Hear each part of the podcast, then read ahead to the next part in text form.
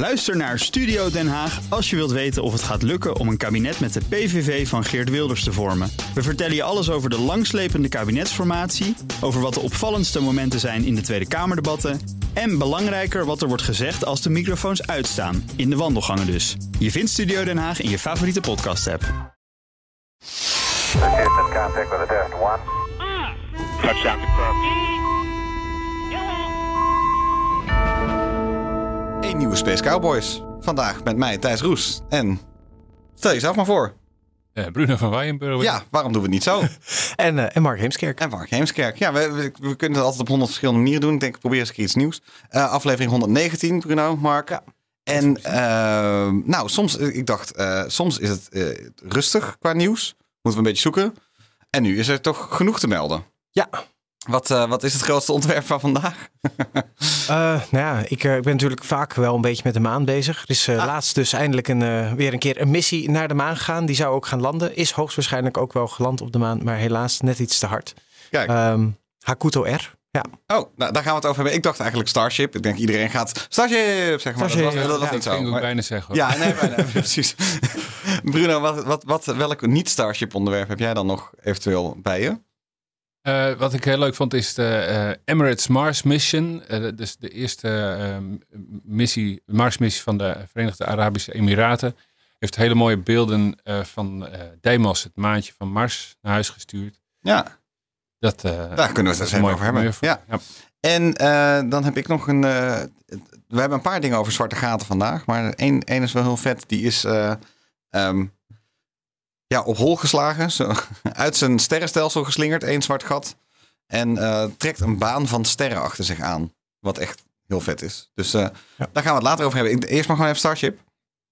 Ehm, Nou, ik denk dat eh, onze luisteraars wel hem omhoog hebben zien gaan. In ieder geval veel, veel van onze luisteraars. Ja. En, en, En een kleine stukjes weer terug zien komen. En het, Ja. Wat zei je? Het, wat nog? En de, en de Cowboys zelf neem ik aan, eh, aan ook. Ja. Ja, ja, ja, zeker. En, maar ik dacht ook dat je zegt van, eh, van nou, we zagen ook eh, vervolgens het hele, ehm, eh, de hele basis eigenlijk ook, ook uit de lucht weer naar beneden komen vallen. Ja. die, die werd de lucht ingeblazen en weer kwam een klein stukje weer terug omlaag. Ja, dat bleek, dat bleek achteraf ook eigenlijk een beetje. Hè. Dus we zagen natuurlijk de lancering en dat ding leek een poosje goed te gaan. En toen, toen dachten we, nou moet je afkoppelen. En toen ging je in plaats daarvan maar draaien, draaien, draaien. Ja, En- ging, die flip die was in eerste instantie wel bedoeld, hè? ja, ja, Hij zou eigenlijk, hij zou eigenlijk helemaal eh, een soort van 180 graden draaien. ja. Of 270 graden en dan verticaal komen te staan. Ja. Loskoppelen en dan zouden ze allebei hun eigen kant op vliegen. ja. Maar ergens, nou op een gegeven moment was, had hij een vol, volledig rondje gedraaid. En toen was eigenlijk wel duidelijk van, hé, hey, Dit gaat niet goed. Hij tuimelt. This do- does not appear to be a nominal situation. eh,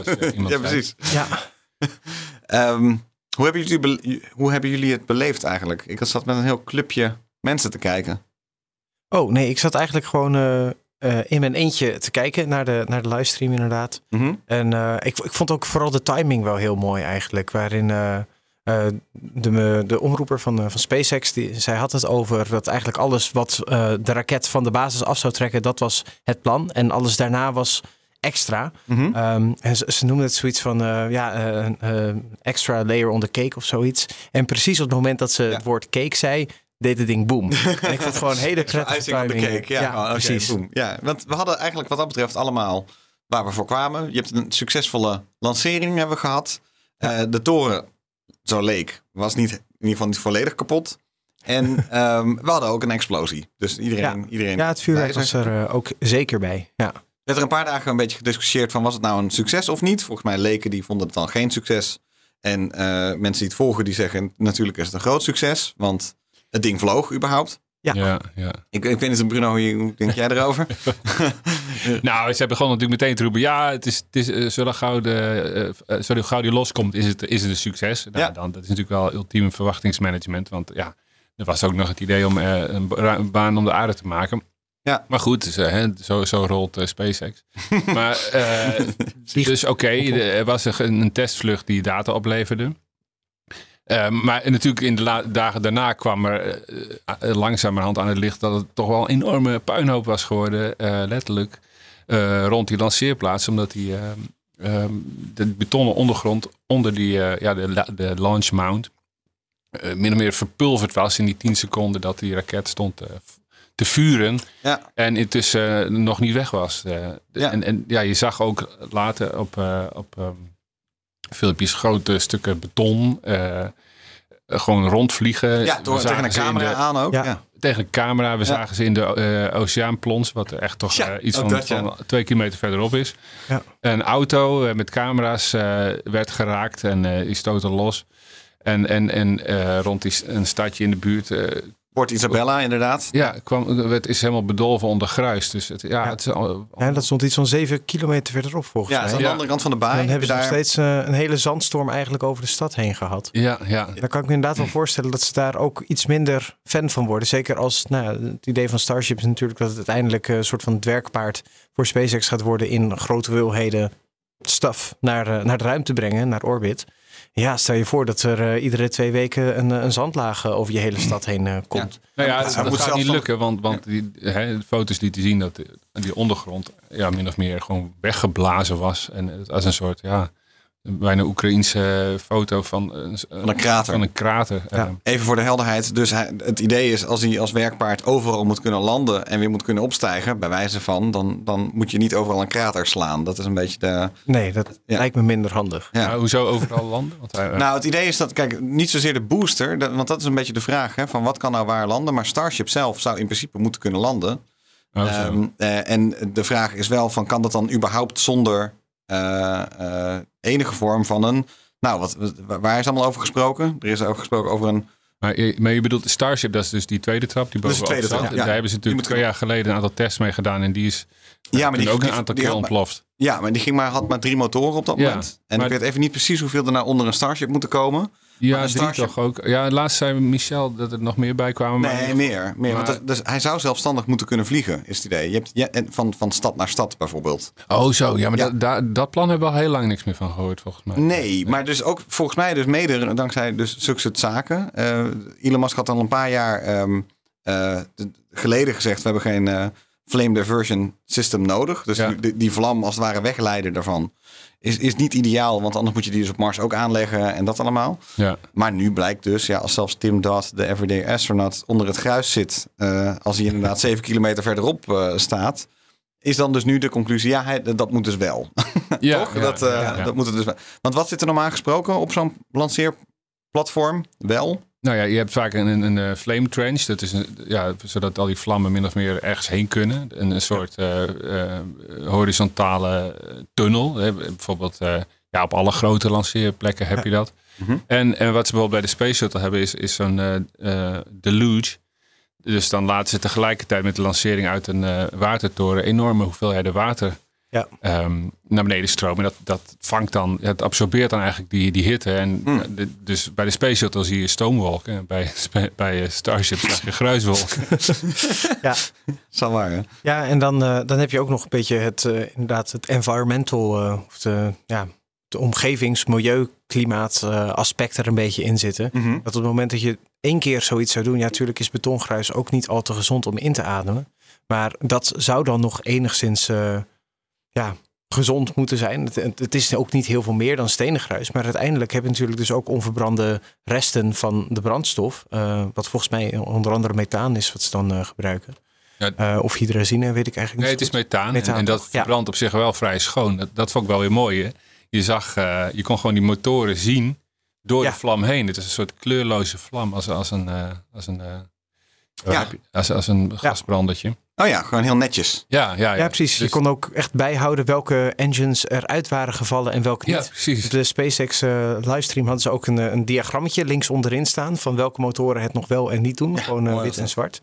Ehm, maar toen filmt ze inderdaad vanaf onder ook naar boven. En dan zie je dus ook daadwerkelijk dat de motoren die uit zijn op het diagram, die zie je ook gewoon niet meer als een oplichtend wit cirkeltje in de daadwerkelijke raket die dus op dat moment al bijna 20 kilometer hoog was of zo. Ja, gaaf. Dat was wel echt, eh, ja. Vond ik eigenlijk wel een van de coolste dingen om te Ja, zien eh, ja, inderdaad. van de hele lancering. Ja. Nu heeft de FAA, die eh, heeft, eh, er komt een, een, een mishap investigation Ja. aan. Want Aan naar aanleiding ook van wat jij zei, Mark. Van het is toch niet helemaal, eh, ja, het is niet helemaal de bedoeling wat er allemaal nou gebeurd is. Ik wil dan ook eventjes eh, bijvoorbeeld de aandacht vestigen op Camps Ridley Sea Turtle.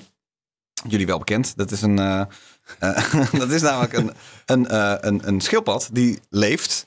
Eh, daar in de buurt. Er zijn een paar eh, eh, soorten daar in de buurt. Het is een natuurgebied die best wel bijzonder zijn. Maar deze Camps Ridley Sea Turtle, dat is een, de zeldza- zeldzaamste zeeschildpad ter wereld. En die heeft dus zijn paarplek ongeveer op, op het strand waar Boca Chica is. Dus het, de- je kan hem vinden eigenlijk in de hele Cariben.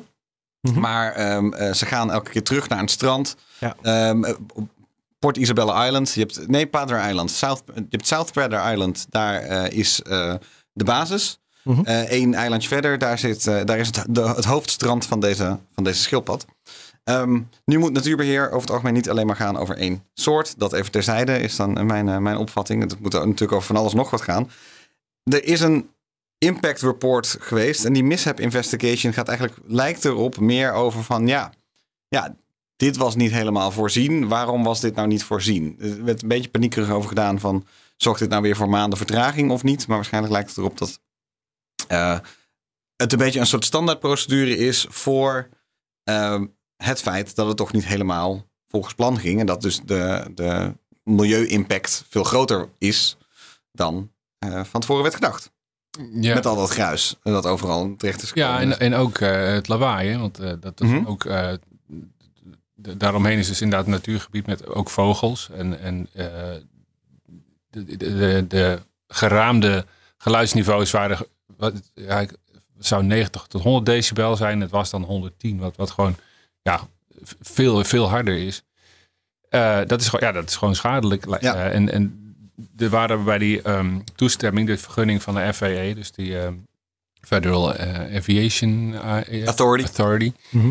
Ehm, waren allemaal voorwaarden en, en er moest aan voldaan worden. En het was eigenlijk pas vlak voor die lancering rondgekomen. Hm. En nu denk ik dat ja, dat toch wel wat achter de hoofden gekrapt wordt van ja, hoe, in hoeverre. Dat dan op die manier goed ging. ja, ja, Ja, het rapport was natuurlijk eh, de vuist dik. Hè? Gewoon, eh, met, ze hebben eigenlijk van alles van tevoren voorbereid. Maar het is wel, het ging heel erg, eh, de, de focus ging natuurlijk heel erg naar, doet die raket het, stort die ergens neer? En wat, wat zou zo'n ontploffing teweeg brengen, et cetera. Ja. Maar eh, het was niet helemaal voorzien dat als het ware het, het beton en cement eronder overal terecht zou komen. Het is Ja, toch, ja. toch, maar, maar toch interessante data. nou ja, dat, dat is waarschijnlijk nog wel op te lossen. Hè? Want, want eh, Musk had het ook over, ja, we waren eigenlijk bezig met een soort stalen plaat waar we dan water Hmm. onder zouden gieten om het, de warmte op te vangen. Maar ja, die was net niet af, dus hebben we het zomaar geprobeerd. Oh man. Maar, maar de dit, tweet dit hier gaat natuurlijk niet, eh, nog- niet nog een keer zo gebeuren. Maar, maar die, die impact van geluid en zo, dat, ja, dat, deze raket ga je niet stil krijgen. Nee, je En- gaat en- niet stil krijgen, nee. En hij ging ook best wel relatief langzaam omhoog, toch? Op een bepaalde manier. Ja, maar ik neem, aan, ik neem toch aan dat je dat uitgerekend hebt. Het is gewoon een enorm ding. Ja, nou, eh, wat, en er gingen natuurlijk meteen al een paar kapot. Dat zou dus door het gruis kunnen zijn gekomen. Dat is een beetje Mhm. onduidelijk. Hij stond ook, ehm, wat ik begrepen heb, is dat hij als het ware vijf seconden stond hij op half, halve kracht. Oké. En toen hebben ze hem als het ware doorgeduwd. Je ziet hem ook een beetje vastplakken. Ja, Want ze hebben hem dus als, ja, dus ze hebben hem nog van halve throttle naar full throttle gegaan in, in een soort proces Oké. van, van een seconde of acht. Ja. En Ah, dat verklaart het. En dat Ja, verklaart dus dat hij dus een beetje... al Hij, af, plak, hij lijkt een beetje te plakken. Zo Ja. Van, van waarom Ja. gaat hij niet? Dat, Ja. dat zat hem dan dus net daarin. En daarmee waarschijnlijk ook dus dat, eh, dat dus het eh lanceerplatform daardoor extra te verduren heeft gekregen. Ja. Ja, ja dat, eh, dat Ja, waarschijnlijk wel. ja, want dat vroeg me wel af. Want er is daarnaast eigenlijk helemaal niet zo ver een, een, een, een Die tankfarm. tankfarm. Die Ja. had ook vol deuken van, van die, van die rotblokken. Zo ja. Alleen ik heb die, die raketmotoren die blazen natuurlijk keihard naar beneden. Dus het, het, me- ook weer omhoog, toch? Jawel, maar dat zou dan helemaal door die tegen de stroom in tegen zijn raketmotor moeten knallen. Dat lijkt me gewoon wegschiet. Ja, Begin, het was meteen al, hè? Dus je zou, het was eigenlijk bij lancering al... eh, ja, ja, ja. Misschien zagen ze... Ik, ik weet het niet. Ik speculeer even hardop. Misschien zagen ze het direct wel.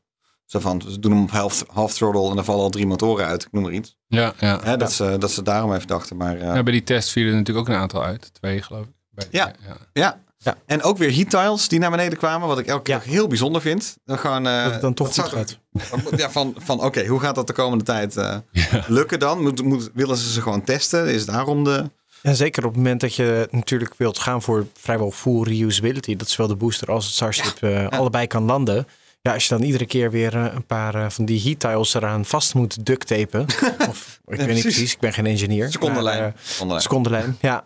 Dan lijkt het me toch niet, eh, niet al te daadwerkelijk duurzaam om dit meerdere lanceringen achter elkaar te doen met dezelfde raketten. Nee, wat ik van die heat tiles altijd wel begrepen is, van ze zijn niet echt op zoek naar heat tiles, want dat snappen ze wel. Ze zijn op zoek naar heat tiles die ze op, in grote hoeveelheid kunnen produceren. Ja. Omdat ze er zoveel voor nodig hebben. Dus ze zijn veel meer bezig met het productieproces dan met hebben wij de juiste heat al te pakken. Ja, ja. Om zo te zeggen. Ja, Want precies. Dat, dat, dat scheen dan weer niet al te moeilijk te zijn. Ehm, Nou goed. Maar- begrepen dat ze uiteindelijk naar eh, behoorlijk wat van dit soort eh, starships toe willen gaan. Ja. Zeker als je natuurlijk een kolonie op Mars wilt gaan bouwen. een vloot. Het, eh, een hele vloot. En volgens mij was het idee om inderdaad één starship per maand te kunnen gaan produceren. Hm, Oké. En op het moment dat je dan niet inderdaad eh, een massaproductie van die heat tiles eromheen nog hebt. Ja. Dat is natuurlijk een beetje net zoals met die eh, Tesla-autootjes. Ehm, de- de auto's maken is één ding, maar je hebt nog heel veel grotere fabrieken nodig om al die batterijen voor die eh, Tesla's te kunnen maken. Ja. En ja, zo zie ik dit dan eigenlijk ook een beetje. Dat je inderdaad eh, raketten maken en lanceren is één ding, maar je moet natuurlijk ook nog alle veiligheidsregels eromheen hebben om te zorgen dat je überhaupt de productiematerialen hebt om, eh, om zo'n raket te maken. Ja, ja, Elon Musk heeft het over de, de machine that builds the machine. Hè? Ja. Daar gaat het hem eigenlijk om. Ja. Iedereen kan een prototype maken, maar zorg er maar eens voor dat het tegen lage kosten en gemassaproduceerd kan worden. ja. Dat is de, de, Maar, de maar, truc bij hem. ja. maar ik denk dan dat de zorg toch wel wordt. Dan zorg nou dat, je het nog een keer kunt lanceren en dat het dan wel goed gaat. Dat het, dus de, ja, wat je zegt, van het was natuurlijk ergens wel een teleurstelling eh, dat hij niet eh, rond de aarde vloog. Ja, ook. Eh, wa- Wat had er nou eh, gebeurd moeten zijn? Eh, eigenlijk Starship zou, de booster zou terug zijn gevlogen en in zee zijn geland. Ja, De, boer- de Starship zelf zou rondje aarde hebben gedaan en bij Hawaii in zee zijn geplonst. ja, ja. Ehm, op een soort zelflandende manier. Denk ik ook. Dus wat dat betreft stond Ja, er nog het best wel idee was inderdaad om dan een, een soft landing te doen. Maar dan niet op een platform of op zo'n zo'n droneboot eh, zoals Oh ja. de andere. Maar ja, eigenlijk een soft landing, maar dan wel gewoon in het Op zee. water crashen. Ja. Ja, Ja. ja. zodat je tenminste niet nog meer dingen stuk maakt. Dus waarschijnlijk hebben ze toch daar ergens iets wel eh, over nagedacht om niet maximale schade. Nou, ze zijn met die Falcon 9 boosters ook begonnen. Eerst Ja. gewoon eh, rustig in het water laten vallen. Ja, precies. En nu is de vraag. Ja, wanneer is dan de volgende? Test. Eh, Nou, volgens mij gaat het nog wel even duren. Want, Want eh, wat moet er allemaal gebeuren? Ehm, de- je moet, eh, er moet ergens een betere launch mount, mount komen. En, en, en, een- en zo'n flame trench bouw je niet even in een na- achternamiddag. Hmm. En er moet een nieuwe vergunning komen. eh, Ook dat. ja, Ja, er moet een nieuwe vergunning. Het was ook een experimentele test. De vergunning was ook als, als- voor een experiment. Dus het was ook geen reguliere lanceervergunning ja. of zo. Ehm, ik, uiteindelijk komt het wel goed, wel. Maar de vraag is inderdaad van hoe snel kunnen ze nou gewoon gebouwd krijgen. En ze zijn ook al met een Stage Zero bezig op, eh, bij Cape Canaveral. Hè? Die begint ook gewoon eh, ja. volledige hoogte al te, te krijgen. Oké. Dus ik Maar vraag me wel af, zegt- want die is nog niet af. Dus ik bedoel, als, als het prototype nog niet af is, hoe, wat, wat zijn ze daar dan eigenlijk aan doen? ja, daar moeten ze misschien toch ook aan, aan een, eh, wat gaan graven. Gaan, Ja, en die stond ook heel dicht bij het andere lanceerplatform of zo. Dus daar was Oh, het dat ook lijkt zo. me inderdaad ook Ja, niet zo, van, zo eh, prettig. Ja. hoe, hoe handig is dit eigenlijk, dit idee? Maar jij zegt uiteindelijk komt het wel goed. En dat is dan geredeneerd vanuit de Space eh, fan natuurlijk. Maar, maar, maar ik, ik kan me toch voorstellen dat hierna toch een soort andere eh, blik komt. Van ja, luister eens, het is allemaal leuk met die ontploffingen en zo. Maar dit gaat wel heel ver. Eh, je krijgt een vergunning en je maakt een enorme puinhoop. Mhm. Ehm, gaat het, gaat het, ga je nog een keer een vergunning krijgen? En wat moet je daarvoor doen? Ik, ik, ik Jij denkt dat ze veel kritischer zullen zijn? ik, ik denk, ja, dat dat, ehm, dat zou kunnen. Dat, zou kunnen, ja, maar- Dat Mm. sluit ik niet uit. Ik zeg het niet alleen als fan. Ik denk ook gewoon van het, eh, de, de, problemen die er nu zijn, lijken nog niet onoverkombaar. Ze lijken alleen maar misschien een rem te trekken op de ambitie van Starship zelf. Zo van inderdaad, hij kan overal landen en opstijgen. Nou, dat is wel. Ja, maar ook de hele, de stijl van hoe je eh, iets ontwikkelt. Mhm. Eh, het is gewoon, ja, het komt een beetje slordig over. En we- Slordig? We, we, komen, we, kennen Musk natuurlijk ook van inmiddels zijn Twitter-escapades. Eh, Ja, ja, ja, nee, ja, Ehm, ja, dat is lastig. Hè? Als, kijk, dit is het grote probleem volgens mij waarom die dus Twitter nooit had moeten kopen. Omdat dan dus. Kijk, in wezen hebben ze een, de grootste raket die ooit gevlogen heeft de lucht ingekregen. ja, nee, op een manier ontwikkeld in, in, een, in een tijd die, die ook zijn weergaar niet bijna niet kent. Ehm, Dus ik, ik, ik, een slag om de arm hou ik nog wel. Maar ik heb niet het idee dat... eh, ja, slordig. Dan denk ik, tja. Ja, er was ooit een eerdere test van, eh, van Starship. En toen, eh, daar zaten ook een paar hele domme fouten in. Zo van, eh, ehm, dus ze hadden twee raketten aangezet. Ze hadden twee, raketten aange- twee motoren aangewezen die aan moesten springen om te landen. Maar ze hadden er niet bij stilgestaan dat een van die twee het niet kon doen. En dat dan de andere aan zou moeten springen, bijvoorbeeld. Dat zijn van die hele kleine domme fouten. Waardoor dus een van die Starships toen eh, ontploft is. Dat was die ene waarbij er met twee aan. Ja, waarbij er maar twee Ja, aangingen. ja. Ja, precies. En eh, vervolgens, dat, dat zag er dus ook best wel slordig uit, want het eindigde in een ontploffing. Maar bij dit is het, heb ik toch ergens het idee van het was gewoon een hele grote raket. En er stond, staat heel veel op het spel. Maar ik heb niet het idee dat het. Ja, het is een beetje die discussie over: is het nou een, was het nou een succes of was het nou geen succes? Ik denk, volgens mij was het een, een, een succes. Maar misschien geen groot succes. maar het was in ieder geval niet. Het heeft niet gefaald. Nou, het We belangrijkste gaan het zien, Thijs. om van het Mm. contact komen is, eh, is wel gelukt, inderdaad. Ja. En wat dat betreft met SpaceX, ja, verwacht je bijna soms af en toe ook wel een beetje vuurwerk. Dat is ook goed gelukt.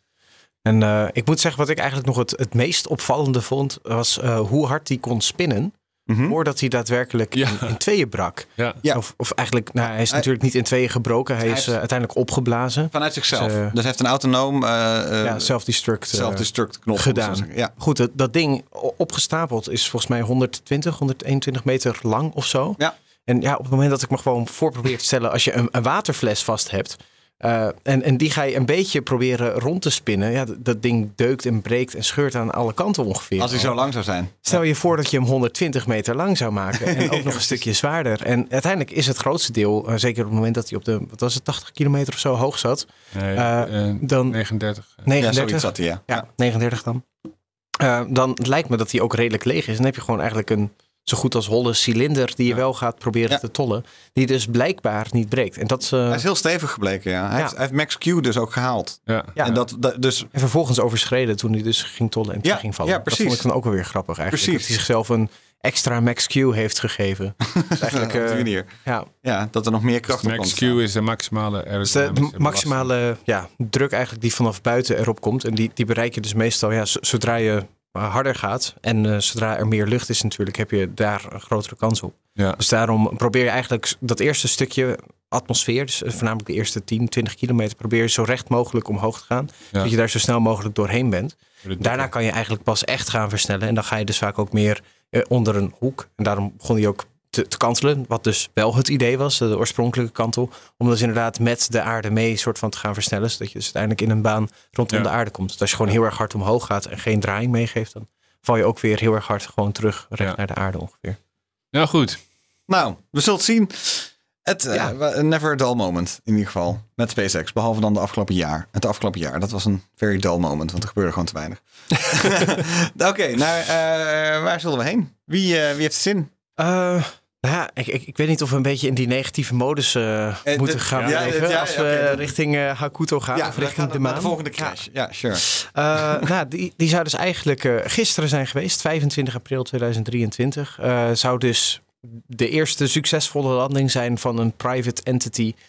dat dus zou gaan landen op de maan vanuit de iSpace. Het is een Japanse, Japanse moonlander die dus eigenlijk ja, daar zou gaan landen. En onder andere een payload vanuit de Verenigde Arabische, Arabische Emiraten mee zou nemen. Mhm. Ehm, en ja, eigenlijk ging alles, leek relatief goed te gaan. Tot ongeveer, wat was het, 60 mijl volgens mij boven eh, het oppervlakte. Even kijken, ja. Ja. Eh, 62 mijl, is ongeveer 100 kilometer boven het oppervlakte, eh, ging Hakuto ze dichter bij de maan. En zou dan uiteindelijk gaan landen in de Atlaskrater om daar eh, onderzoek te gaan doen. Ehm, en in eerste instantie leek dat gewoon goed te gaan, kregen ze nominale signalen terug. En op een gegeven moment toen was de geplande tijd waarop hij dus zou gaan landen, op het moment dat hij zichzelf goed genoeg had afgeremd, was al geweest. En al 20, bijna 30 seconden daarna. En nog steeds zei hij nominaal. En dan kunnen er eigenlijk of twee dingen zijn gebeurd. Of het landertje is heel snel weer van de maan afgegaan. En dus uiteindelijk überhaupt niet op de maan terechtgekomen. Of wat dus waarschijnlijker is, is eigenlijk dat er eh, ergens iets mis is gegaan in het signaal. En dat het ding gewoon zelf iets te hard is geland. En dan waarschijnlijk met een, eh, paar honderd kilometer per uur te hard, waardoor het niet echt een, een soft landing is geweest. Ik las ook dat hij waarschijnlijk gewoon eh, dat zijn, zijn benzine op was, om zo te zeggen. Zijn fuel, eh it ran out of fuel. Ja, ja. Ja. Ik, ja, ik heb gisteren die. ehm, die eh, er werd live uitgezonden. En, eh, dan zag, Oh ja. je, zag je hem afdalen. En Oh ja, dan zag je ook de snelheden en de hoogtes en zo. Ja. Dan dacht je dat gaat keurig. Ja. En dat eindigde dan in een. Ja, in een landing. eh, Maar het was dus een animatie. Animatie. Precies. Het was niet helemaal duidelijk wanneer. zeg maar, er echt terug, eh teruggezonden signalen over snelheid en hoogte Ah, nou overgingen in, in die animatie. Want daarna viel het stil Ja. en, en Er zag kwam je... gewoon geen signaal, toch? Op een gegeven moment. Ja, precies. Dus ehm, het was eigenlijk ja, inderdaad een paar seconden dus na de, de geplande landingstijd. Toen kwam er opeens helemaal geen data meer door. En het laatste wat ze dus hebben gezien was dat ze inderdaad eh, de, de propellant, dus de brandstof, die ging eigenlijk onder de threshold die ze hadden bedacht. Ah. En toen begon de landingssnelheid opeens wel heel snel toe te nemen. En daarna was er geen communicatie meer. Eh, Dat Dus- heet vallen, denk ik. Ja, dat lijkt mij dan inderdaad ook in, in vrije val richting het maanoppervlak Oh, versnellen. Ehm, en dus dan eh, zegt Ice Space heel mooi, zegt dan eh, based on this, it has been determined that there's a high probability that the lander eventually made a hard landing on the moon's surface. Ja. Mooi gezegd. Ja, ja het, het jammer is natuurlijk dat het eh, allemaal te klein is. Dus ook met een goede telescoop kan je naar de maan turen wat je wilt, maar je zal het niet, eh, zal het niet gaan kunnen zien. Dus we moeten eigenlijk wachten tot er weer een, eh, wel een succesvolle orbiter overheen gaat vliegen, die misschien dan de, de crash landing site eh, in kaart kan breng- brengen in plaats van de landing site. Ja. Maar dit is, Dus, eh, en zijn er al opvolgers? Ehm, er zijn in ieder geval vanuit eh iSpace zijn er wel opvolgers gepland om dit nog een keer te doen, maar dan natuurlijk goed. Waarvan de eerste eigenlijk alweer in 2024 eh, zou moeten zijn. Dus eigenlijk eh, over iets meer dan een jaar. En dan in 2025 willen ze ook een derde gaan doen. Ja. Want de Ehm, eerste was die Israëli's, hè? Een paar jaar geleden. Ja, Ja. de eerste waren de Israëli's in 2019 met de, de Bereshit. Was ook in, eh, in april. Ehm, die heeft iets voor eh, de, eigenlijk de, de, de landingscyclus al het opgegeven. En die is gewoon eigenlijk vrijwel rechtdoor gevlogen op de maan af. Eh, en is daar toen heel erg hard geland. En daarvan hebben we uiteindelijk wel beelden weten te vinden van eh, eigenlijk de, de, de inslagkrater ervoor en erna. Natuurlijk, daarvoor was er geen krater. En vervolgens zie je dus een, een witte vlek op de plek waar Bereshit hoogstwaarschijnlijk is geland.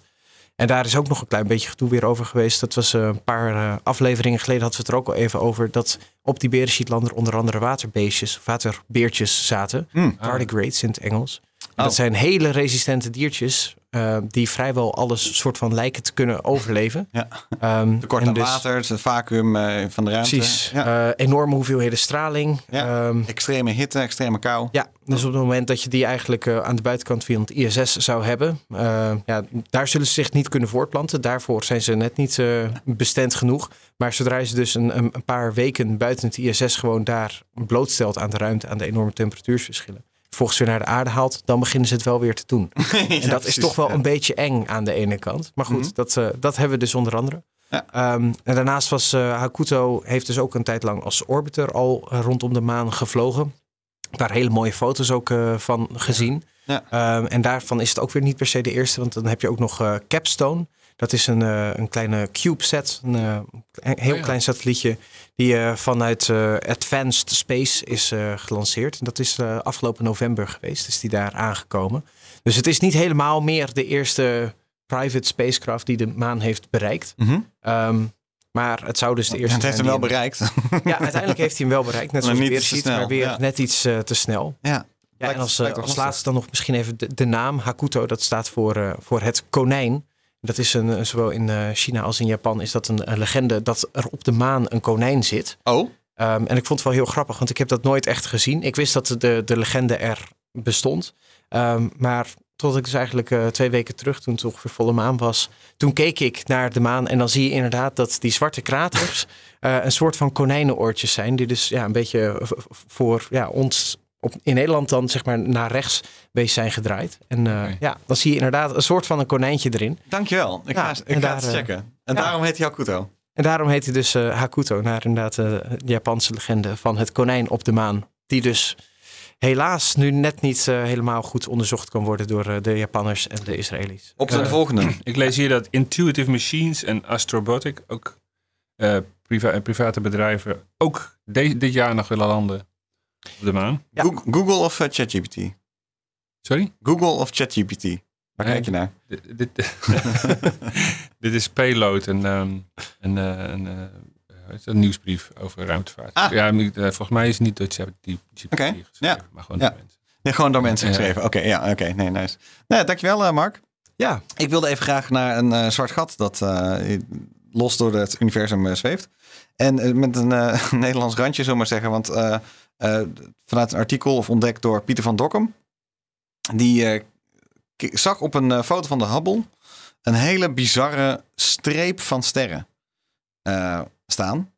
En dat was een vreemde vorm. Zo van, wat is het voor een, voor, voor een, gek iets? Ehm, toen is hij gaan rondzoeken en zag hij dat er in de buurt drie verschillende sterrenstelsels, eigenlijk één sterrenstelsel was dat uit drie verschillende sterrenstelsels leek te bestaan. Op elkaar aan het botsen waren. eh, waren. Ja, die gebotst waren. Ah. En wat bleek nou? Toen hij eens goed ging kijken naar, de, naar wat, wat die drie oorspronkelijke geweest hadden moeten zijn. Ehm, eh, is een, er is een mooie, eh, een mooie animatie van NASA, staat er ook staat er online over.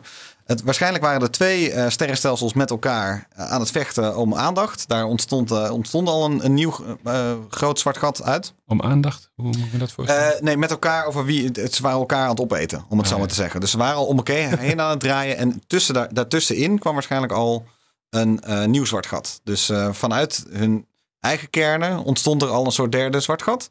is, gaat, is dat zo? Dat, dat, is, de, dat is wat er. Ze ze waren aan het versmelten tot er als het ware in het midden Een, een nieuwe aan het ontstaan was. Zo, daar werd het al super dens. En toen kwam er opeens een derde aan, een derde sterrenstelsel aan. En die ga- gaf daar een enorme zwieper aan. Toen hebben ze een tijdje met elkaar lopen dansen. En toen is één van die zwarte gaten is eruit geschoten. Ja, ja, ja. Die is dus, het is net zo gegaan als die, dat hij eruit geschoten is. Dat aan zich is al heel tof, want het lijkt er dus op. Het, het, het, is nog, het, is, het zwarte gat zelf is nog niet ontdekt, maar het lijkt er dus op alsof er ehm, dus een zwart gat door het universum kruist. Zonder dat er een sterrenstelsel aan vast zit. Dus hij hoort eigenlijk nergens bij. Ja. Dat weten we al wel van bijvoorbeeld van planeten. Dat als een ster opbrandt, dan gaan planeten gewoon hun eigen weg zoeken. En die vliegen dan door het luchtledige. Maar het vette is dat dus die streep die werd getrokken. Dat is dus als het ware. ehm, omdat het zwarte gat. Zo, je voelt hem al aankomen. Omdat het zwarte gat zoveel zwaartekracht heeft. eh, Heeft het eigenlijk als, net als een, een boot die door het water gaat. Daarachter klotst, klotst al het gas op elkaar. En daar ontstaan dus sterren. Dus dat zwarte gat trekt en is door een eh, wolk van gas heen gegaan. En heeft daar een, een, een, een streep van sterren achter zich getrokken. Een soort vliegtuigstreep. Een soort vliegtuigstreep, ja. Een soort condensatiestreep, alleen dan dus gemaakt van eh, zonnen. Ja, ja. Eh, volslagen krankzinnig. En Dus dat zijn jonge sterren die in een soort Ja. streep daarachter, achter dat zwarte gat zitten. achter dat zwarte gat zitten. En het enige wat ze nu wel nog moeten doen is dus daadwerkelijk dit, dit eh, bevestigen. Want ze hebben nog niet het zwarte gat in kwestie zelf eh, op de gevoelige plaat gezet. Maar ze, ehm, Pieter van Dokkum heeft dus wel gekeken naar die andere eh sterrenstelsels. En dat klopt dus, het klopt dus met waar ze ongeveer staan. met en hoe het, ja, met, met, ja, met de baanmechanica. Maar hoe dat dan eh, ehm, gebeurd zou hebben kunnen zijn. Hele vette ontdekking. De foto zelf van Hub- Hubble is dus ook heel cool. Want je ziet een, ja, het is heel dun en het is heel eh, ingezoomd. Ja. Maar je ziet inderdaad die streep van die sterren. Alsof er een bootje langs gevaren is, ja. Gewoon met, met wit schuim er nog op. Ik zie ook een, eh, een artist impression ervan. En ja, het zijn natuurlijk hele, hele gave plaatjes. Ja. Natuurlijk kan zo'n eh, artist kan het eh, zo artistiek maken als dat hij zelf wilt. Maar ik moet zeggen, deze vind ik wel echt heel, eh, heel gaaf eruit zien. Ja, laat hem even jou zien, Bruno. Oh ja, soort, In onze soort- show notes. soort eh. kerst, kerstversiering. eh. Een, Dus, zwart eh, gat, een zwart gat met eh, sterren erachter eh, is inderdaad het ideale eh, presentje voor in de kerstboom dit jaar. Ja, ja, ik zeg ja, het. precies. Ik zeg het. Dan eh, blijven we even bij zwarte gaten.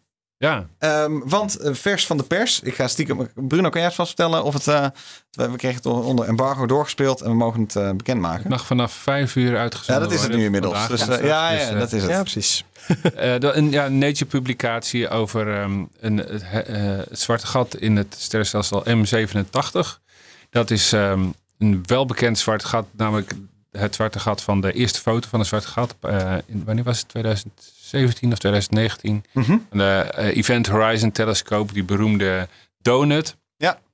Eerste foto van een, eh, de eerste directe foto van een zwart gat. Ja. Ja, nou ja, ehm, dat is dus toen gemaakt doordat een aantal radiotelescopen 2017 inderdaad. Ja.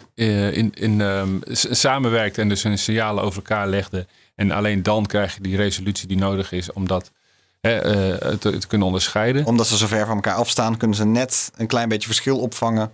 En dus kunnen ze als het ware Ja, een, ja. Een, plaatje maken. Ja, dus ja, het idee is eh, dat je je effectieve radiotelescoop de scherpte heeft alsof, alsof hij zo groot zou zijn als de aarde. Ja, precies. Zo Alleen, je, eh, je lens bij wijze van spreken. Ja, dus, dus Ja.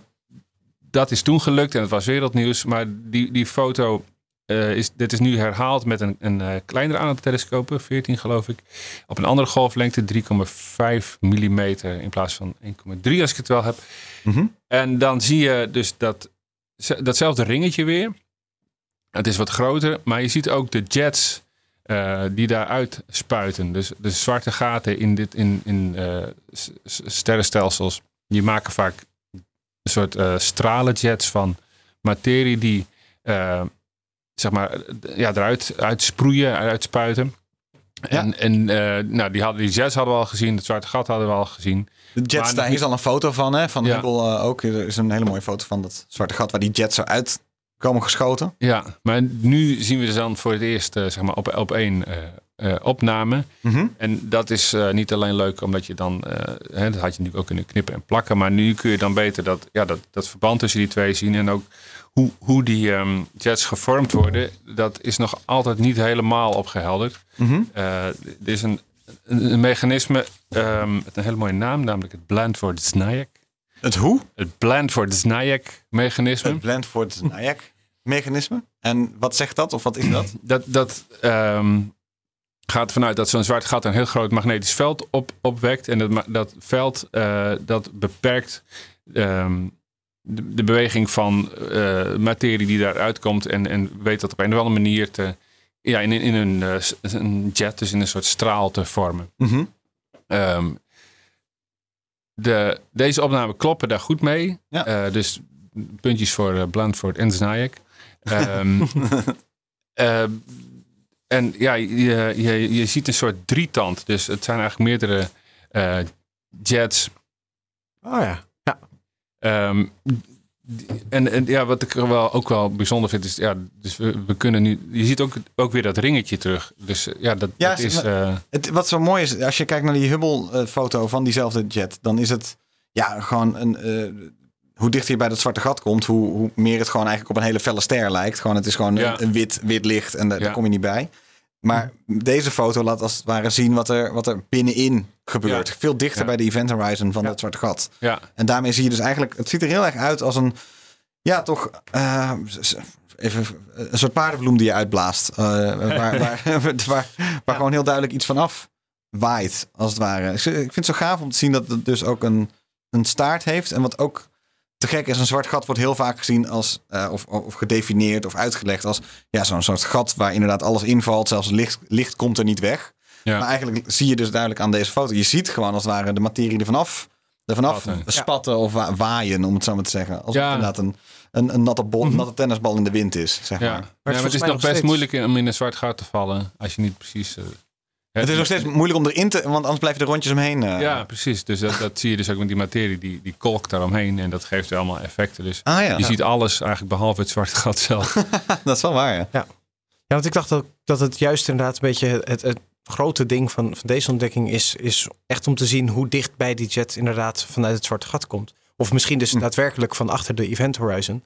Wat nou, naar, naar mijn weten heel erg lastig is, inderdaad iets van achter de event horizon weer naar maar dat- buiten dat- te gaan dat- krijgen. dat, eh, Maar het is volgens mij juist inderdaad ergens uit die ring eromheen dat Ja. dus deze jet ontstaan. Ah, maar is dat, Ja. is dat jouw eh, speculatie of is dat... maar, eh, van, maar van achter de Event Horizon, dat. Nee, dat lijkt mij niet, toch? Nee, nee. Maar- niet. Nou, Nee. oh, nou, Volgens mij was het idee mijn- altijd dat, Ja, ze, ja? dat die jets, eh, dat we niet precies weten waar die vormen. Maar dat we nu toch juist kunnen zien dat het echt wel heel erg dicht bij het zwarte gat is. Ja, en niet gewoon ja. ergens uit die relatief brede ring die dan eh, rondom het zwarte gat zelf zit. Ja, nee, dat klopt. Maar echt van dat zwarte gat is nog wel een stukje kleiner. hè, En die Dat is er nog wel dan achter. dat, wat we ja. hier kunnen zien. Je ziet ook meer een soort schaduw, dus waar al het licht ook opgezogen wordt. Oké. dan het, dan het ehm, of afgebogen, dan dat zwarte gat zelf. De afmetingen daarvan zijn nog weer een stukje kleiner. Eh, ik dacht dat juist het hele idee was Nou ja, van die jets weet, weet ik, het- weet ik niet. Maar ik dacht daar dat daar ook het idee van was dat ze dus misschien nog wel. Eh, dat, dat was al mijn begrip ervan. We weten het niet, maar ze leken, ze leken vanuit, van achter de Event Horizon te Nee, komen. Maar dat is dus absoluut onwaar. Nee, maar dat zou, dat zou natuurlijk eh, een, enorme te- in tegenspraak zijn met eh, algemene relativiteit. Maar daar was toch, help mij vooral dit allemaal te begrijpen. Ehm, eh, want hier heb ik verre van voor doorgeleerd. Ehm,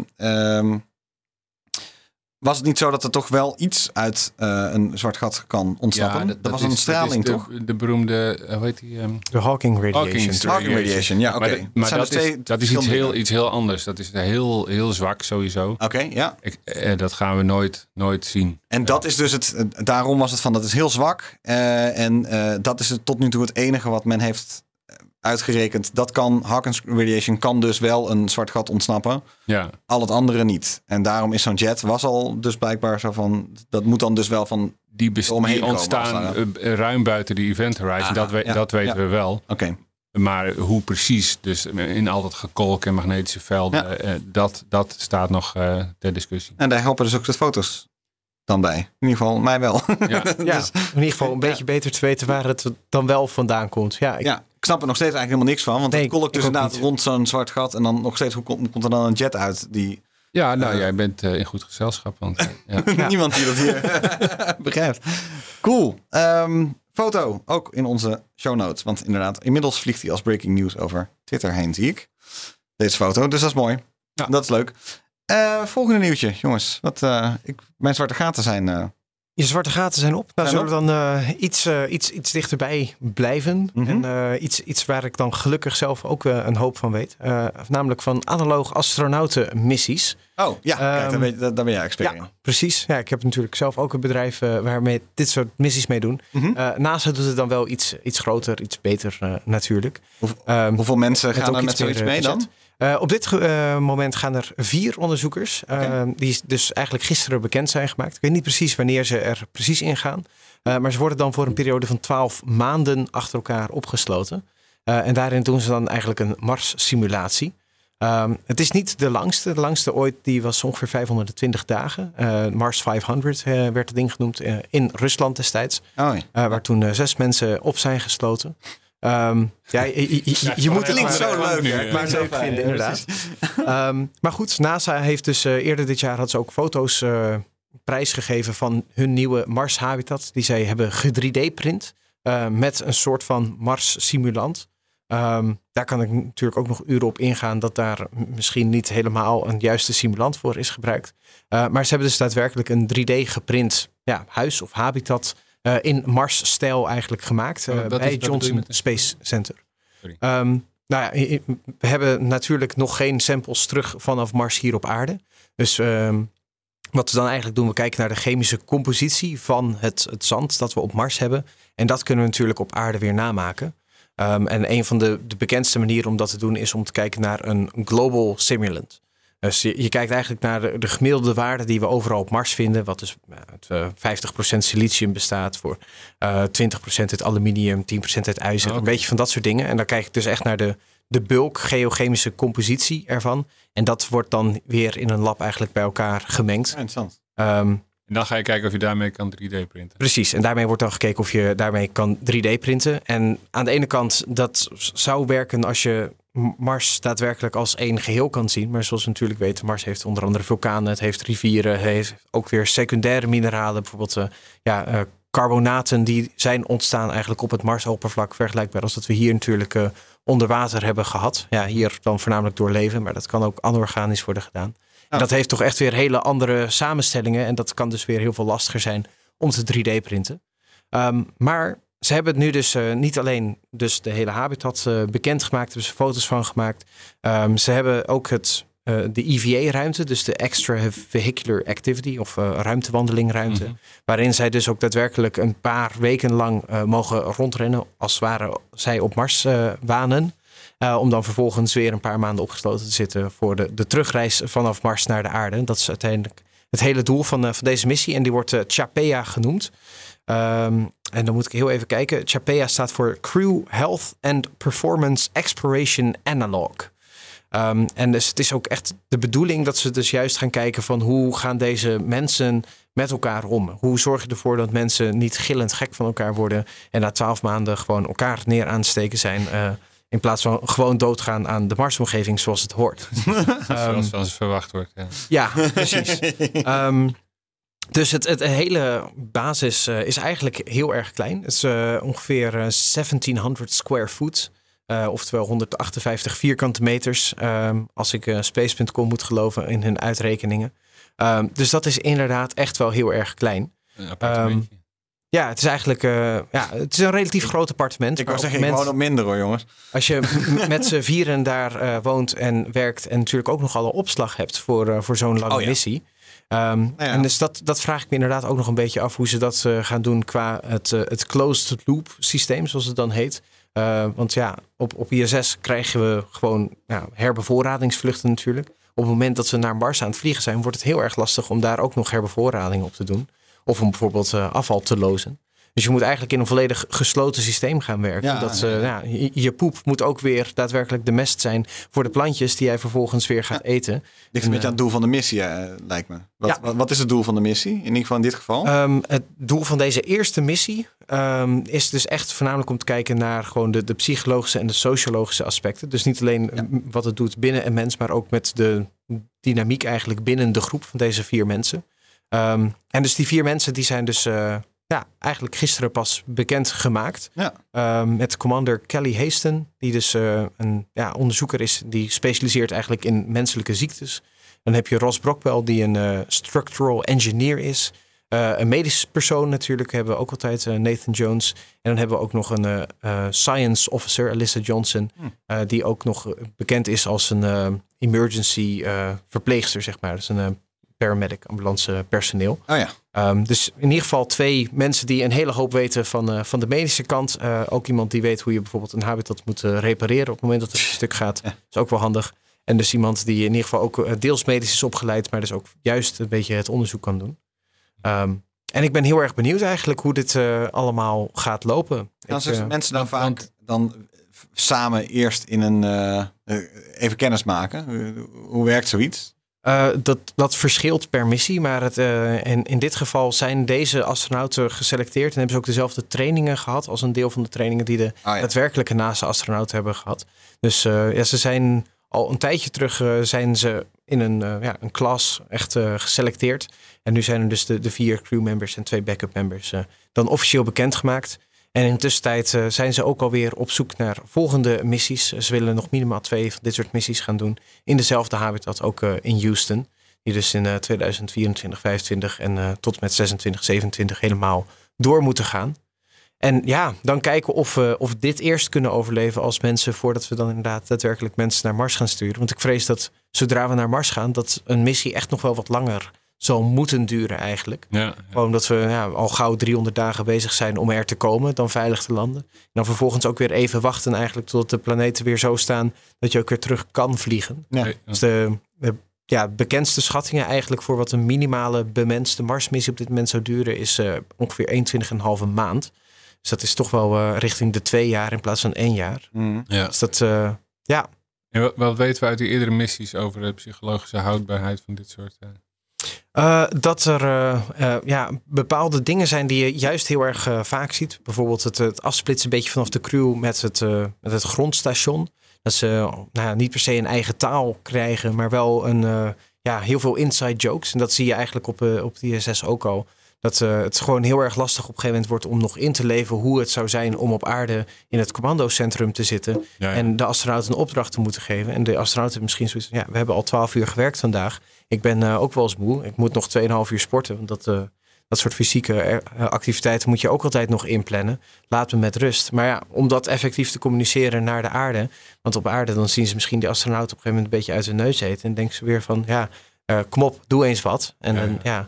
Dus dat, dat soort communicatie eh, mismatch eh, gebeurt heel veel. En dat is een van de, de dingen die ze dus hier willen gaan, gaan kijken Echt, gaan onderzoeken. En ook juist hoe je dit eh, zoveel mogelijk natuurlijk kan afwenden voordat we zometeen eh, daadwerkelijk mensen naar Mars gaan sturen. En dat, eh zodra we maar- zeggen van eh, kom maar terug van, eh, van Mars, dat ze alleen Ja. maar middelvingers terugsturen. en lekker op Mars gaan blijven. Ja, Ja, je weet het niet. Nee. Dus eh, dat zou zomaar kunnen. Maar Ja. het zijn toch de, over het algemeen verstandige mensen die voor dit soort dingen geworven worden. Eh, ja, dus eh, ja en nee. Dat, dat vind ik altijd wel een, een, een grappig iets. Op het moment dat je namelijk naar Mars wilt gaan als mens. ehm, op het moment dat je dat eigenlijk iets te graag wilt, dan ben je waarschijnlijk niet de geschikte persoon. Ja. Er is een redelijke kans dat je gewoon een reis naar Mars ja, of niet overleeft, of in ieder geval niet terugkomt naar de aarde. Dat het echt een, eh, een one-way trip is. Oh ja. Ehm, en ja, je wilt eigenlijk niet mensen hebben die al te graag zichzelf op gaan offeren. Want mocht er dan iets misgaan, weet je, Apollo 13-stijl, dan hebben zij misschien zoiets van, ja, het zal wel. Ik eh, krijg in Dit ieder geval mijn erbij. eeuwige roem of zoiets. Eh, het hoort erbij en ik, ik ga maar lekker dood. In plaats van dat je dus mensen hebt die kosten wat kost eh, Terug willen komen. terug willen Ah, komen en hun familie weer willen zien. Dus dat is, eh, ja, dat is een, een beetje raar hoe je daarin inderdaad mensen moet gaan selecteren. Je, je hebt eh, mensen met een juiste hoeveelheid gek nodig, denk ik. Ja, ja, ja. En ben je zelf al jezelf aan het klaarstomen om eh, met zo'n missie mee te doen? Eh, ja, voor een, een jaar, zeker in zo'n soort analoge missie. Het, het lijkt me echt heel erg gaaf. Ja. Ehm, om daadwerkelijk naar Mars te gaan. Ja, ik, ik weet niet of ik daar dan gek genoeg voor ben. Voor, eh, voor de maan sta ik klaar. Ja, misschien niet met eh iSpace op dit moment dan nog. maar Starship misschien ook niet, wat dat betreft. Nou ja, Maar eh, binnenkort, ja, nee, dat, dat lijkt me wel... eh, spreek je over een jaartje of tien. Kijken, we- kijken Ja. of we dan nog, nog, een, nog, nog tien jaar nodig hebben. ja, misschien dan, kan ik dan wel weer inbellen in de podcast eh, vanaf, Vanaf de maan. Ja. Yes, maar wel een dat beetje gaat- delay. We, we hebben vandaag een beetje delay, maar dat gaan we, dat gaan we gewoon doen. Ja. Eh, heel goed. Eh, dan heb ik eh, nieuws van eh Trappist 1. Eh, daar is waarschijnlijk geen leven. Eh, waarom is het dan toch het eh, vermelden waard? Omdat de James Webb-telescoop eh daarna gekeken heeft. Mhm. En eigenlijk eh, dit de eerste keer is dat, dat die zich bezighoudt met die vraag. Want James Webb kan de eh, eh, atmosferen van exoplaneten meten. Tot op zekere hoogte. Nu heeft hij de grootste gepakt. Eh, dat, het, trappist, eh, het trappist-systeem is een leuk systeem. Want daar zijn heel veel, een, een ster waar heel veel aardeachtige planeten rondomheen gaan. Aardeachtig in de zin van. Ongeveer dezelfde grootte, wel iets groter. Ehm, eh, ook eh, habitable zone eh, bijvoorbeeld. En ook de dingen die we ervan af weten tot nu toe zijn... Zo van, hey, leuke kandidaten om, eh, om onze instrumenten op te trainen, om het zo maar te zeggen. Ja, ja. Eh eens kijken wat we, wat we vinden. Want op dit moment heb je van die artist impressions. En zie je van, oh, dat, komt allemaal in de buurt. En dan, nou ja, hoe, hoe meer je gaat kijken, hoe, hoe, hoe anders het dan lijkt. Ja, ja. Hoe ver is dat? Eh, zoek eventjes iemand, weet ik nog niet. We pak, pak hem er zo even bij. Het is eh, relatief dichtbij, volgens Ja. mij, het trappist-systeem. Een paar miljoen lichtjaar. Dat is niet dichtbij. Dat is niet dichtbij. Eh, paar- sorry, een paar, eh, paar lichtjaar, moet Ja. ik zeggen. Ja, Een paar lichtjaar. Trappist 1 ehm, is ongeveer 40 jaar, eh, lichtjaar van de aarde. Oh, 40 echt lichtjaar. Nou, dat valt wel mee. Ja. Ja. Ehm, maar wat heeft James Webb nou gedaan? Die heeft gekeken, is er een atmosfeer? En het lijkt er dus in van alles op dat dat dus eh, niet zo is. Even kijken, vast, het was een ehm, eh, eh, voornamelijk ook bedoeld om dus te demonstreren dat James Webb de, eh, die atmosfeer überhaupt kon meten. Ja, Alleen in dit geval was het ja, te, te heet en ehm, er was een. wat was nou de verklaring? Ze zagen dat bepaalde materie werd om, eromheen, om, om trappist heen werd gebogen. En als er een eh, atmosfeer was geweest, was dat op een andere manier, op een meer diffuse manier gebeurd. En dat, Ja, omdat ja, dat dan dus niet zo was, eh, moet dat dan eh, erop wijzen dat er geen is. Maar het is wel gaaf, want dat gaat James Webb nog veel vaker doen. oké. Ehm, in hopelijk op een gegeven moment met een iets, iets meer resultaat dan, nou, waarschijnlijk geen. Want, want, we weten, want hij heeft dus. ehm, eh, welk, wat voor een licht heeft hij dan gezien? Het licht wat van- van die ster op, op die planeet terugkaast. Ja, ja, Ja, ja want we Ja, weten eh, van sommige exoplaneten dat ze een atmosfeer hebben, toch? ja. En dan ehm, is het met een eh, transit. Ja, dat weten we absoluut. Ja. Ja. en dan kan je het met een, eh, een, een, de transit-methode doen. Maar dat kan alleen maar voor hele, hele, hele grote eh, planeten op dit moment. Ja, dus dat ja. eh, voor Jupiter-achtige. Tot nu toe met de instrumenten die we tot nu toe hadden. Het idee is dat James Webb dus het ook voor aardeachtige, planeten doen. kijken. Ja, kan alleen weer niet zo specifiek kijken om, om te kijken wat er dan in zit. Dat gaat dan weer te ver voor James Webb. Ja, Maar ja. wel in dit geval dus, in ieder geval duimpje omhoog, duimpje omlaag. Deze heeft, lijkt geen noemenswaardige atmosfeer te hebben. Ja. Is al, is toch een, is toch een datapunt. Ja, Ja. en op een nieuwe manier. eh, En op een nieuwe manier veel, veel specifieker bekeken dan voorheen kon. Ja, absoluut. Ja. Ja, Ehm, dus stay tuned. Want wat dat betreft komen er de hele tijd van zulke soort kleine nieuwtjes over James Webb uit. ja, Iedereen is nog steeds een rapper roer over al die oude eh, sterrenstelsels die James Webb maar blijft vinden. Ik weet niet of je dat een beetje hebt gevolgd. Nee? vertel. Nee? Eh, ja, niet dat er nu breaking news over te melden is, maar je ziet dat, eh, dat elke keer in de, in de collectie van, ehm, eh, van James Webb, elke keer sterrenstelsels worden gevonden die als het ware ouder zijn dan eigenlijk zou mogen. Ehm, volgens de modellen die wij hebben van wat er na, na de Big Bang gebeurd zou moeten zijn. Dus ze zijn elke keer eigenlijk Ja. te groot en te, eh, te groot en te jong, om het zo maar te zeggen. Ze hadden zich eigenlijk nog niet gevormd mogen hebben tegen die tijd. Precies, Ja, precies. En dus het, het, het, het ding is, ja, of er is iets met die datapunten, dus het, eh, het meten is verkeerd, dat zou kunnen. Of dus er klopt iets eh, heel erg niet in onze, Of we snappen niet hoe dat. ja, hoe, hoe dat zo kan zijn en we hebben daar geen verklaring voor. Ja, ja. En het, vooralsnog is het het laatste, want op dit moment is het dus, hij, blijft, hij blijft maar, in, in de datacollectie blijft maar, blijft maar tijd die hele oude sterrenstelsels ook eh, komen. De ene is nog ouder dan de ander, zeg maar. Ja, ja. Dus, eh, dus dat eventjes kort over eh, James Webb Update. We hebben nog ruimte voor iets kleins. Of zijn we er allemaal doorheen? Nou, ik heb nog wel een nieuwtje. hoor. Nou, nou kom maar op met een nieuwtje dan. Of ja, ja nou, wat, wat ehm, laatst weer eens langskwam en ik dacht, we gaan even iets, iets heel ernstigs en serieus doen. Eh, Oh. dat de MIVD waarschuwt voor spionage op onze universiteiten door Chinezen. Eh, dat doen ze eigenlijk bijna elk jaar. Oh. Eh, maar die, ja, die zouden dan gevoelige technologie kunnen stelen, iets te veel van leren. En daar moeten we niet naïef over zijn. Nou, waarom meld ik dat? eh, ehm, terwijl ja, er wel vaak voor gewaarschuwd wordt. Ook Mhm. de AIVD heeft het trouwens in zijn, la- zijn Specifiek Chinees ook. Ja, verschillende landen, maar eh, Chinezen, Iraniërs en eh, eh, ja, die staan dan hoog op de lijst. Mhm.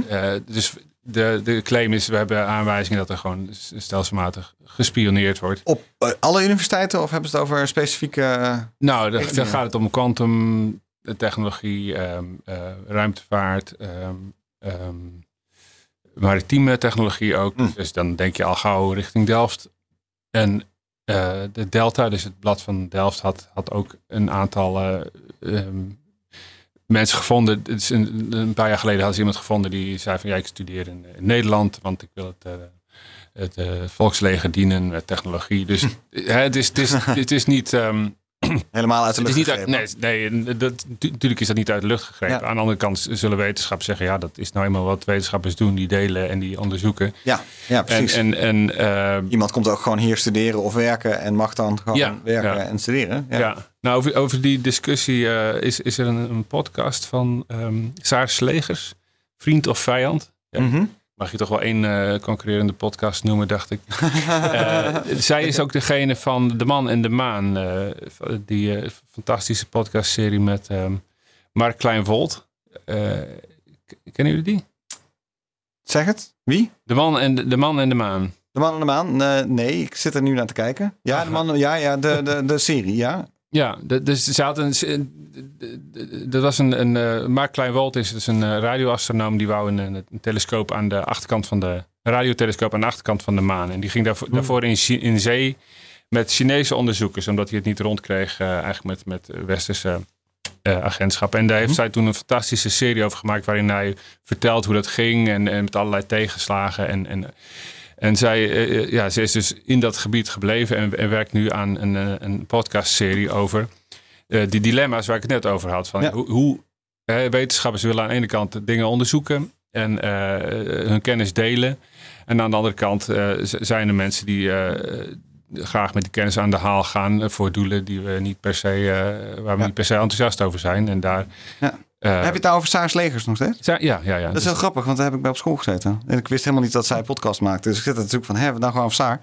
Daar heb ik op de middelbare is- school gezeten. ja. Er zat een klas onder mij. nou goed, dat is. eh, dat is heel grappig. Dus die heeft een hele leuke podcast hierover tegenwoordig. ja, Wat die is- gaaf. die is nou Zie je er inderdaad. Ze is, aan- ze is aan de 20 jaar ouder geworden. 30 jaar.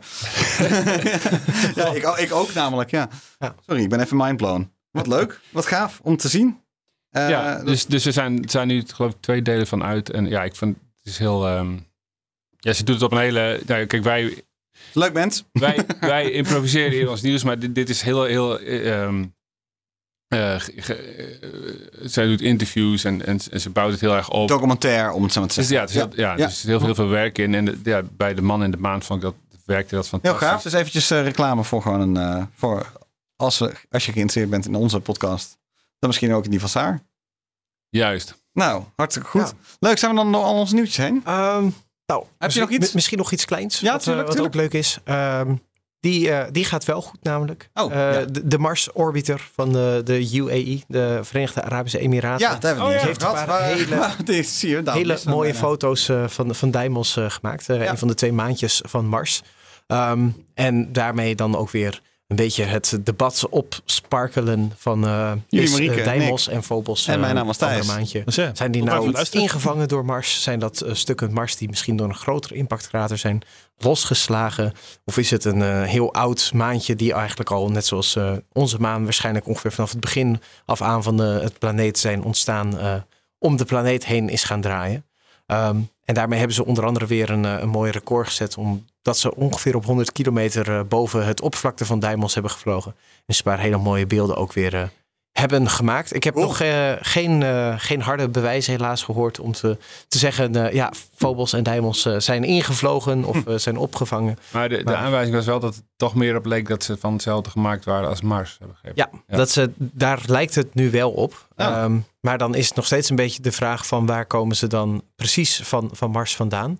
Ja. Ehm, zeker omdat ze eigenlijk vrij, nou, ze zijn natuurlijk wel in een stabiele baan, maar ze beginnen wel langzaam richting Mars te bewegen. Oh ja? Ehm, En dus er is een kans dat ze of gaan inslaan of dat ze juist weer op een gegeven moment weer wat, eh, wat breder Oh ja. gaan. Dat, eh, Vol- Volgens mij was één vliegt weg, Deimos, en de ander eh, komt steeds lager. Dus, Ja.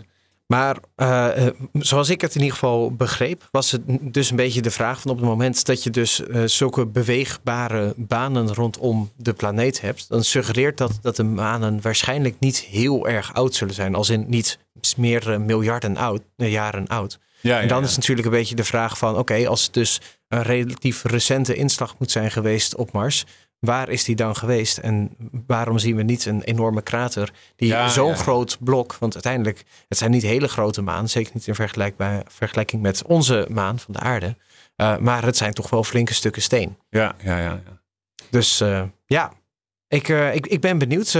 Komend jaar, dus de rest van 2023, zijn ze nog minimaal een paar keer van plan om nog dichter bij Diamonds Bij ook over te gaan vliegen. Ja. En eh, meer analyses eigenlijk eh, te gaan doen om te kijken waar komt het ding nou daadwerkelijk vandaan. ja. Dus, En, eh, hoe heette die missie nou ook alweer? Ehm, de EM, missie die heette. Ja, s- Hope, volgens mij. Oh, Hope. De ja, Hope klopt. Probe. Ja. Ja, De die Hope is eh, vorig jaar, eh, nee, twee jaar geleden al aangekomen in 2021. ja, toen hebben we de aandacht aan besteed. ja. En nu zijn er eh, resultaten. Is Ja. de Arabische... Dit is dan vrijgegeven op, eh, op de EGU, wat ik dan ook wel weer grappig vind. Het is een groot eh, geowetenschappelijk congres in Wenen. eh. Waar ik normaal eigenlijk ook bijna ieder jaar nu zit. Maar toevallig dit jaar een keer niet. Nou, wat fijn dat je er Dus, vandaag bij ons bij was. Ja, Maar- ben ik er toch nog een soort van eh, een beetje bij. Ja. Dat is, het is wel hele mooie beelden waarop je eh, echt langs Deimos schiet. En op de achtergrond komt dan Mars voorbij. Ja. Echt, eh, Even kijken of we daar ook wat beelden van eh, in de show notes kunnen zetten. Zo Oh ja, stuur door. Dan gaan we ze nu maken. Nou, dan zijn we er nu wel echt doorheen, denk ik. Ja. En dan eh, Bruno en Mark. Ja. Dank ik jullie hartelijk. Mijn naam was Thijs Roes. Bedankt. Ja, en de, de, vind ons ook op, op Twitter. We hebben alleen geen blauw vinkje, dus dan word je totaal genegeerd. genegeerd. Dus ik zal met mijn blauwe vinkje maar retweeten dan. eh. Heb jij een blauw? ik, ik heb een blauw vinkje. Ja, daarom tweette Elon tegen me. Ah, Ja, ja. Ja, anders word je natuurlijk niet gezien eh, door de grote Nee, de- omdat ik een blauw vinkje had. Het heeft ook wel meegespeeld dat, dat ik dus de laatste tijd gewoon lekker met Elon aan het kletsen ben. Dat is... eh, dat alles. Bleef het bij die ene tweet of zijn er daadwerkelijk... eh, Nee, het blijft die ene tweet. Maar het is wel zo, omdat hij op mij gereageerd heeft. kon- alles wat ik nu zeg, komt dan dus ma- veel makkelijker nog een keer bij hem omhoog. Dus dat eh, oké. een zware last eh, rust op mijn schouders. Want papa Zeg even dat hij luistert Elon naar kijkt Space. Cowboys. Ja, precies. Misschien Dat moeten we zeggen, eh, goed Papa punt. Elon sponsor Space Cowboys. En dan eh, Doe dat. kunnen we dat blauwe vinkje er ook bij doen. Precies. Ja, Dank jullie wel allemaal. dankjewel.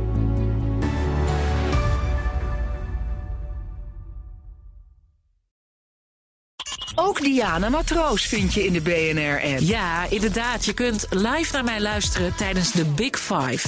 Ook handig in de BNR-app. Breaking nieuwsmeldingen, maar ook het allerlaatste zakelijke nieuws. En je vindt in de app alle BNR-podcasts, waaronder Wetenschap Vandaag. Download nu de gratis BNR-app en blijf scherp.